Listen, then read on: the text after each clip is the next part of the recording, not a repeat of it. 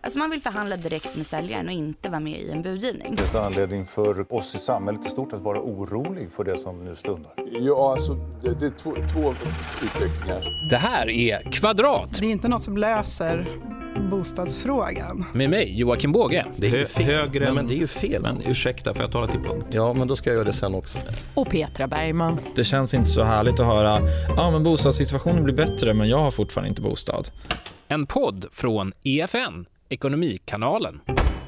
Bostadsmarknaden är fortsatt pigg trots coronavirus. Vi har nollränta och vi har ett inbromsat eh, bostadsbyggande där ute. Och för att hjälpa oss att förstå vad det är som händer just nu så har vi bjudit in Anders Bergvall, makroekonom på Handelsbanken. Välkommen hit. Mm, tack för att du kom hit. Och så har vi Robin Svensén, nationalekonom på Tyrens. Välkommen. Tack så mycket, kul att vara här. Ja, Anders Bergvall, vad säger du om eh, läget på bostadsmarknaden just nu? Ja, men jag ser en ganska stabil bostadsmarknad nu. Bostadspriserna har stigit på bred front i alla typer av regioner i Sverige och vi också ser en stabilisering på nyproduktion och där ser vi att rabatten har börjat minska och att det också visar tecken på att priserna börjar öka på nyproduktion. Och samtidigt ser man att bostadsbyggandet har börjat stabiliseras nu så här på en lite lägre nivå. Men och även om man kollar på optimismen bland byggföretagen så är de också lite mer optimistiska på framtiden. Så att det ser en ganska stabil bostadsmarknad skulle jag karaktärisera det som nu.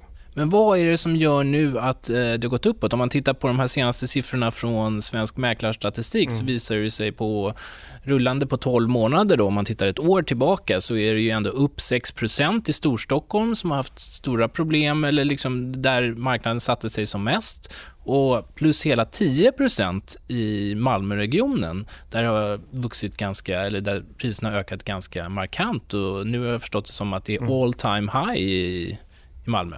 Ja, precis. Det är all time high på flera ställen i Sverige nu. Men jag tänker, ena kan man tänka att det egentligen kanske är lite konstigt då, för att ofta vet man att konjunkturen har försämrats förra året. Och normalt brukar man tänka att sämre konjunktur blir lite sämre bostadsmarknad, men det har vi inte sett nu. Nej, vad beror det på? Det beror på en tror jag, viktig faktor, att räntorna är väldigt låga. Och nu har börjat liksom, alla hushåll och många aktörer tror att nu kommer vi ha låga räntor väldigt länge. Så att det börjar prisas in att låga räntor är mer det normala.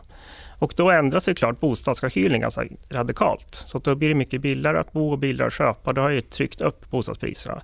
Samtidigt har vi en brist på bostäder i många håll i landet fortfarande, framförallt i storstadsregioner. Det har också hållit uppe bostadspriserna, tryckt upp bostadspriserna. Så det finns lite fler faktorer som bidrar till att bostadspriserna hållits uppe ganska bra. Och om vi skulle kolla framåt här generellt för hela landet ser vi väl också att bostadspriserna kommer fortsätta att öka det närmaste året tror vi. Trots att konjunkturen ser lite halvdan ut så här. Mm. Och nu i veckan så hörde vi att eh, svenska Riksbanken då lämnade styrräntan oförändrad. Vad realistiskt skulle du säga eh, kan störa det här med stigande bostadspriser? Ena såklart är om vi får en mer en global sättning i konjunkturen. För det vet vi, om vi får en svagare global konjunktur och det sprids i svensk ekonomi och arbetslösheten börjar öka mer kraftigt, då kommer vi få en tydlig sättning på bostadsmarknaden. Det är väl ganska troligt att det brukar vara så. För att folk blir av med jobben, ja, effektiviseringar? Precis. Ja, med jobbet också, att det skapar mer osäkerhet. Man blir mer försiktig. Vad händer i framtiden? Då kanske man inte vill liksom köpa en ny bostad och inte är rädd att betala lika mycket för en ny bostad.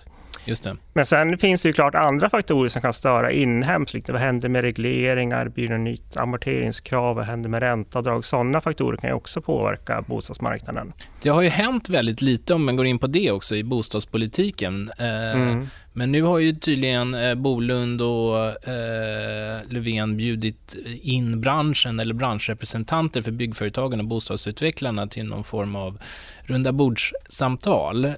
Är det troligt att det kommer ut någon, några stora reformer utav det? Nej, det skulle inte jag tro egentligen. Om man kollar på de här regleringarna, typ amorteringskrav, ränteavdrag, de faktorerna finns ju inte någonting som tyder på att vi något sånt i närtid överhuvudtaget. Att det ligger nog ganska på is och alla är nog ganska nöjda på att det blir de här regleringarna. Och att det skulle bli några mer skärpta regleringar, typ att man skulle mer amorteringskrav och sådana faktorer ligger väl inte alls i korten heller, givet att bostadsmarknaden tuffar på ganska lugn fart nu och skuldsättningen ökar, men det är liksom inga drastiska ökningar så att skuldsättningskvoten och skulden som andra av hushållens inkomst inkomster har väl stabiliserats nu på en liten, ganska stabil nivå här. Så att det finns väl inga tecken på att ja, det är orsaken att man ska göra mer regleringar. Men sen kan det ju finnas såklart andra saker man kan göra. Det pratas en del om att ska man se över byggregler och lite sådana faktorer kan ju komma in diskussioner om.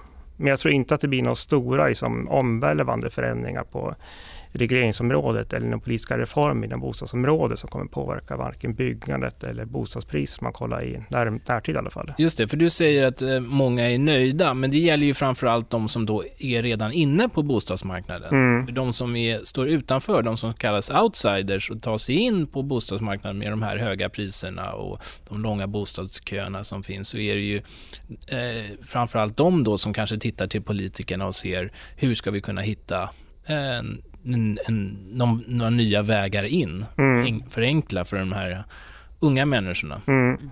Ja, för ena pratar ju om, ska man liksom se över de här bolånetak och sådana faktorer, så kan man liksom göra dem lite mildare, kanske framförallt för unga till exempel.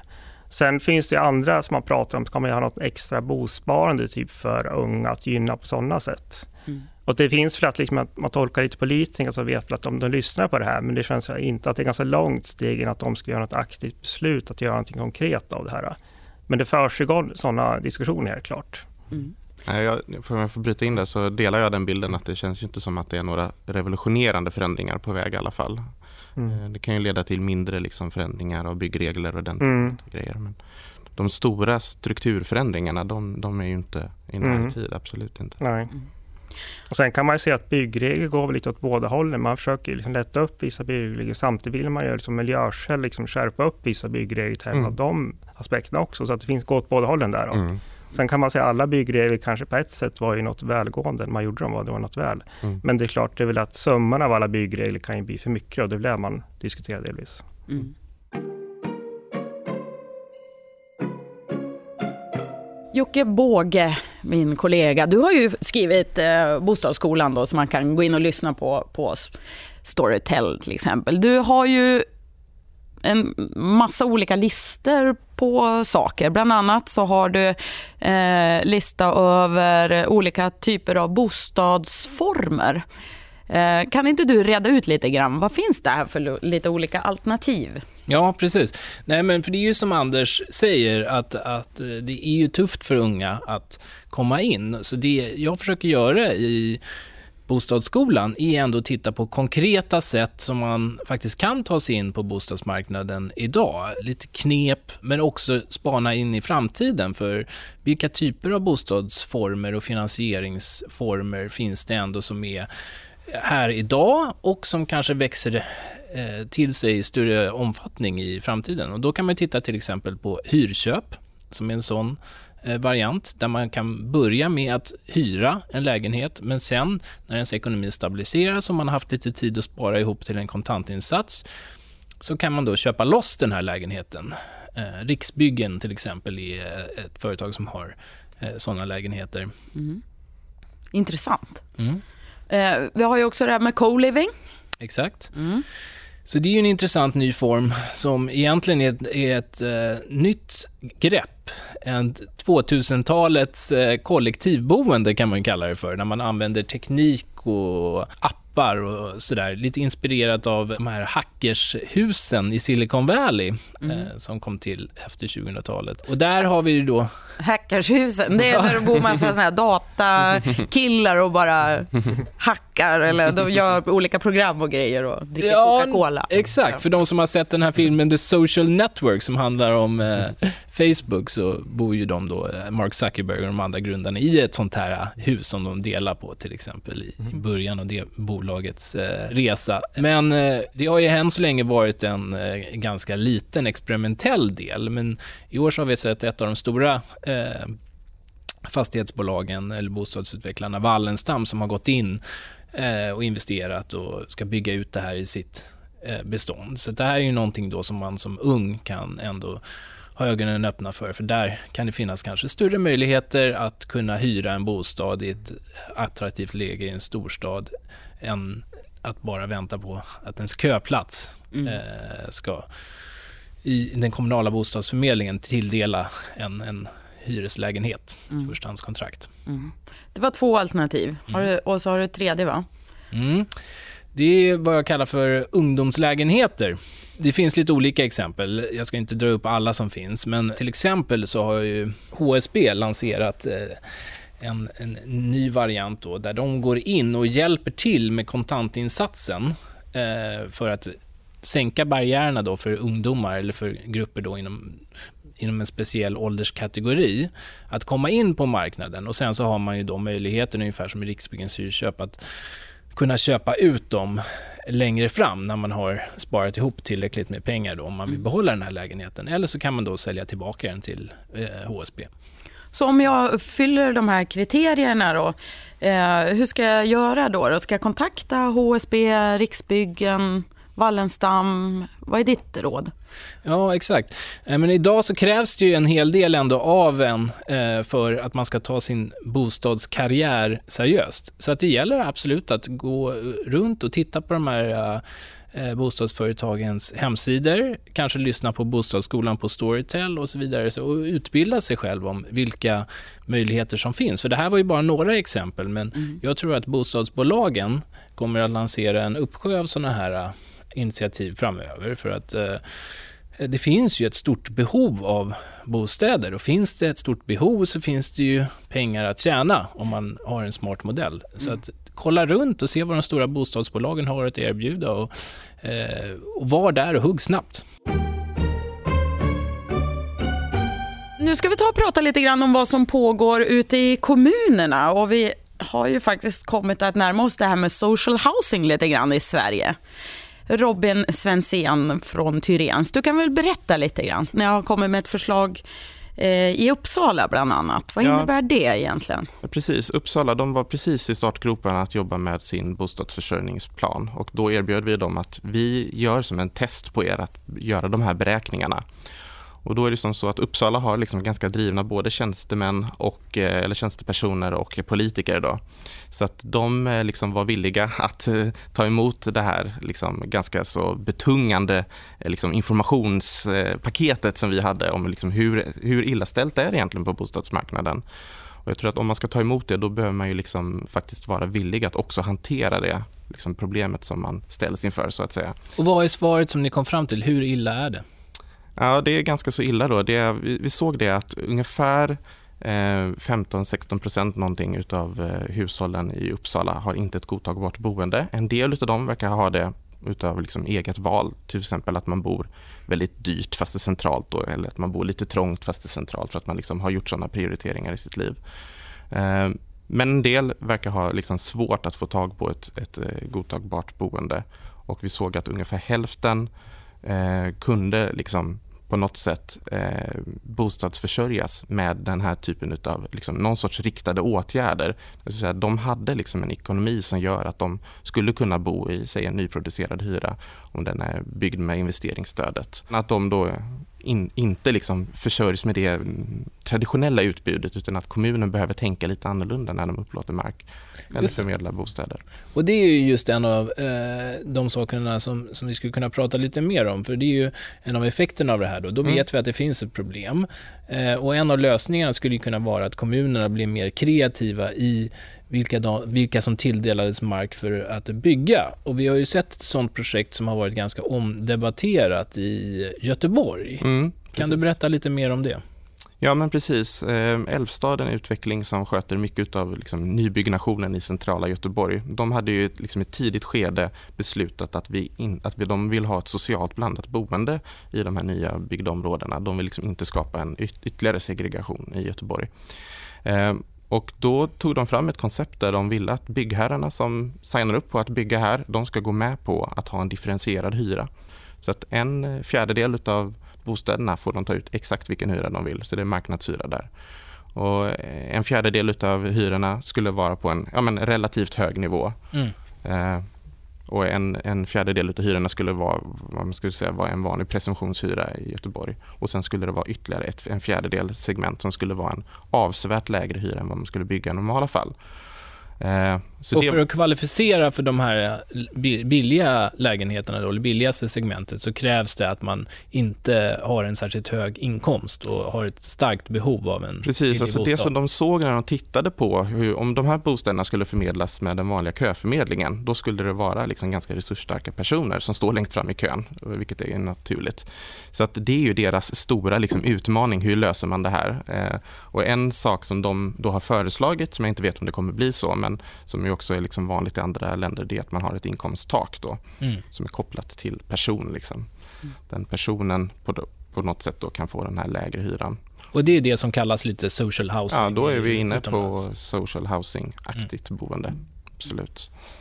Så det är väldigt intressant. Den här frågan är ju något som inte politiker gärna diskuterar eh, och liksom många av de intresseorganisationer som finns vill inte heller prata om det här speciellt mycket. Men ute liksom i verkligheten, där eh, händer det av sig självt till viss del. Så det är väldigt intressant. Vad finns det för nackdelar med social housing? Ja, dels så kan det ju vara eh, liksom stigmatiserande eh, beroende på liksom hur man bygger det här. Om man bygger vissa hus då till exempel som, där liksom personer med en lägre socioekonomi ska bo så bygger man ju in en typ av segregation trots att det är det som man försöker bryta med det här. Eh, Då vet man att där bor de som inte har det så gott Ja men ställt. precis, att det kan finnas en sån. Men jag menar, så ser det ut på den vanliga bostadsmarknaden också. Om man åker ut med tunnelbanelinjen så ser du liksom olika socioekonomiska grupper eh, tills du kommer till en ändhållplats mer eller mindre.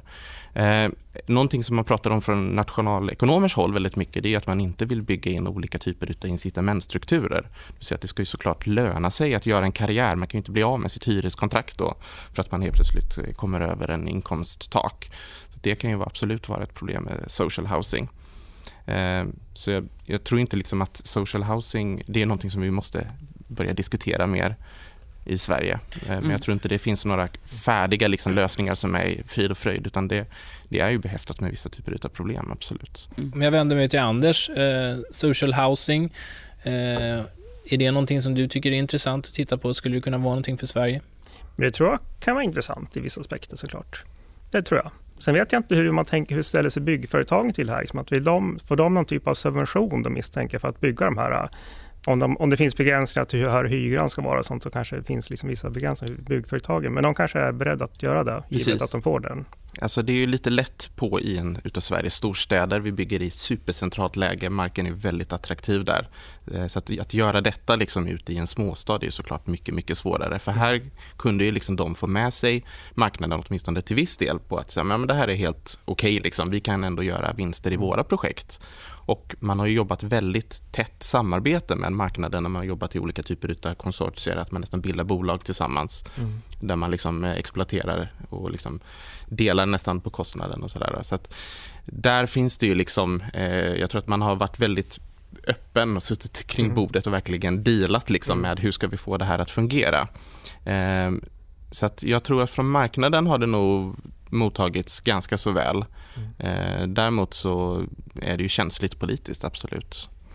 Så var, var ehm, kan, man, eh, kan du peka ut var pågår det fler sådana här projekt i Sverige? Jag tror att väldigt Eller många... är det Göteborg du pekar ut? Ja, alltså just när det gäller den här typen av liksom differentierade hyror så är det ju Göteborg. Och de, jag tror att väldigt många har ögonen på dem och ser hur det går. Kan de få igenom det här rent juridiskt? Liksom? Eh, kan de få igenom det rent politiskt? Och hur, liksom, hur blir effekten utav det? Blir det positivt eller blir det liksom inte bra? Så att jag tror att väldigt många vill ju inte göra någonting innan man har utvärderat hur det faktiskt liksom faller ut i Göteborg. Men det är ju superspännande att betrakta. Ja, det är en spännande trend. Jag tänker också just, vi nu pratar om social housing, men sen finns det någonting utomlands också som kallas för affordable housing. Mm. Eh, kan du berätta lite om vad det är? Ja men precis, alltså, i vissa länder så har man ju social housing där det bara kanske är 10% av beståndet som är verkligen riktat till eh, folk med jättesvag socioekonomi. Men i andra länder så kanske det är 70% av bostadsbeståndet som ingår i något sånt här typ av program. Och då är det ju inte riktigt social housing, då är det ju någonting annat för då är det ju liksom stora delar av medelklassen som bor i det här. Eh, så att beroende liksom på hur man sätter de här gränserna och hur man liksom avgränsar vilken målgrupp som ska ingå i det där så kan det ju bli liksom på en, på en skala, om man ska säga, från väldigt liksom sociala bostäder till att det är mm, någonting som påminner om den allmännyttan som vi har i Sverige till exempel. Men då, men att det ändå finns kriterier vem som kan nyttja de bostäderna och inte. Och då tänker jag vända mig till Anders igen. Du nämnde ju också att man kanske inte ska ha stor, för stora förväntningar på politiken och lösa det här. Men är det här ändå en väg framåt? Att vi har ju gått från en modell då vi har i princip avreglerat hela bostadsmarknaden till eh, ett eh, ja, till att vi är där vi är nu, där det är som, som Robin säger eh, ett stort problem för kommunerna att det är så många som, som inte har löst sin bostadssituation på ett bra sätt, att vi behöver en mer aktiv inblandning av politiken igen. Jag tror liksom delvis kan man tänka, det är väl exempel man sett, delvis kan man tro att det är så. Och det kan man delvis säga det här investeringsstödet man har gjort också. Det fokuserar man också att för att bygga det här måste man ha liksom en lägre hyra. Så det är ett steg på det. Man liksom kollar inte vilka individer som bor där men liksom principen är lite detsamma på något sätt. Man säger att för att bygga det här måste ni ha, ganska låg hyra så att folk har råd att bo där, vanligt folk har råd Så att det finns de tendenserna tänker jag, att man ser också i Sverige. Att det finns, det, politiken går väl delvis i den riktningen tycker jag. Mm. Och det kan ju behövas också att givet i Sverige har vi ganska många grupper nu som har ganska svag ställning och att vi har en ganska stor grupp nu utrikesfödda som kanske har svårt att ta sig in på den här marknaden, bostadsmarknaden utan att ha någon hjälp mm. på olika sätt. Så där, att, det kan ju vara liksom att det krävs liksom att de politikerna blir lite pushade också av liksom verkligheten, att de måste liksom kanske agera delvis också. Mm. Mm. Mm. Ja, det är väl kanske en intressant eh, slutpunkt eh, för dagens podd, även om jag tror att det här är ett ämne som vi kommer få återkomma till eh, flera gånger. Det kommer bland annat en ny eh, rapport från eh, en KTH-forskare nästa vecka som har just tittat på det här med affordable housing och så får vi se vad som händer i Göteborg och om ni på Tyréns får fler uppdrag från andra kommuner att titta på hur bostadsförsörjningen ser ut där. Mm. Eh, och med det så eh, vill jag tacka dagens gäster. Anders Bergvall, makroekonom på Handelsbanken och Robin Svensén, nationalekonom på Tyrens. Tack så mycket. Tackar. Och vi som har gjort det här programmet heter Petra Bergman och Joakim Båge. Den här podden görs av EFN Ekonomikanalen. Ansvarig utgivare är Anna Fagerström. Vill du lyssna på någon av våra andra poddar? Sök på EFN där poddar finns.